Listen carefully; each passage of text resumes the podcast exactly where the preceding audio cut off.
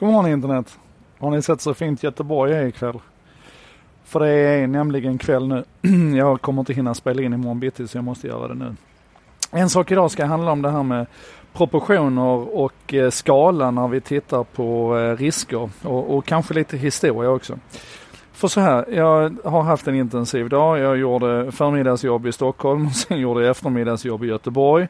Och här på eftermiddagen så pratade vi bland annat om autonoma fordon. Det är ju lätt hänt i Göteborg att det blir så. Ehm, och då kom den här frågan igen ifrån eh, från en, eh, det var en tysk deltagare, um, om det här med autonoma fordon när vi har en miljon bilar ute på vägen och någon hackar det systemet så att vi i princip förvandlar alla de här bilarna till, till mördarbilar. Och det är ju klart att, att den risken finns. Så är det ju med, med all teknik som vi pratar om idag, att det finns risk för att det kommer att ske intrång. Och jag menar, vi ser ju det där hela tiden. Det är nästan omöjligt att bygga det 100% säkra systemet. Men det man tappar bort lite grann i den diskussionen, jag, jag kan ju börja med att säga det är klart att vi ska se till att systemen blir säkra. Det är klart att det måste vara den absoluta målsättningen och ju känsligare system ju säkrare måste de bli. Och då är vi inne på det som jag tycker är en av de viktiga poängerna här. Det är att vi konstaterar att hela vårt samhälle idag är totalt digitaliserat. Um, om någon vill ställa till bus så är förmodligen inte hacka bilar det värsta man kan göra. Hela vårt vattensystem, hela den elektriska griden, avfallssystemen, all logistik, alla transporter, allting går sönder om man hackar systemen. Um, och ett, ett, tydligt exempel på det, så historiskt då, det var när man under den um, egyptiska våren, när demokratirörelsen ryckte fram där, så fick man för sig från myndigheterna där nere att man skulle stänga ner internet.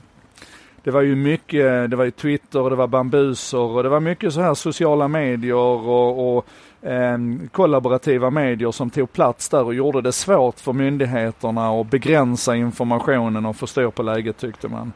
Eh, Problemet var att när man stängde internet så, så slutade börsen fungera. Det blev ett totalt ekonomiskt haveri i, i landet. Och det fick till och med effekter här hemma i Sverige för att det visade sig att till exempel handbollslandslagets intranät driftades via en maskin i Egypten. Och det är det sammanhanget jag tror vi måste ha när vi tittar på digitaliseringen och när vi gör riskanalyser. Så måste vi komma ihåg att, att den skala vi pratar om påverkar hela samhället. Ehm, så det är klart att vi ska se till att få säkra bilar, men det är inget major problem. Och på tal om historia då så finns det en aspekt till på det här och det är att när vi nu, när vi nu digitaliserar så är det ofta så att de som vill prata risker, de, de återuppfinner riskerna egentligen. Ta till exempel det här med personuppgiftshantering och så där vi idag är så jättebekymrade för att uppgifterna ska komma på fel villovägar. Men vi har ju hur många historier som helst ifrån från, eh, den traditionella vårdens sätt att, att distribuera till exempel fax. Där, där faxen har kommit fel eller där någon har hittat en USB-sticka på, på, eh, eh, vad heter det, på, på busstationen. Och, alltså, jag bara menar att vi måste hålla tungan i rätt mun när vi, när vi tittar på de här riskerna och, och när vi diskuterar dem.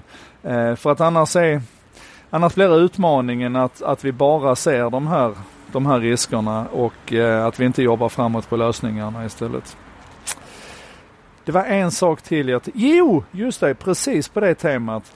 Eh, för någon dag sedan här så delade jag att det fanns en inställning i Klarna där du kunde slå på att det krävdes bank-id för att någon skulle kunna handla med din identitet på Klarna.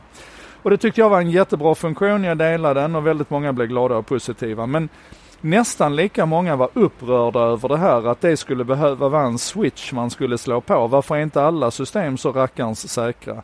Och då är det ju för att vi konsumenter, alla har inte BankID, alla har inte hängt med, alla känner sig inte superbekväma med att, att vara identifierbara på den nivån i alla system.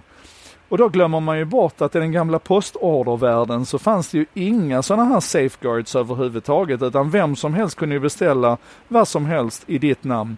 Och det är väl till och med så att det var ett gammalt bus som, eh, jag ägnar mig inte åt det men, men du ägnar dig kanske åt att beställa varor till någon som du ville busa med. En slags eh, fysisk busringning.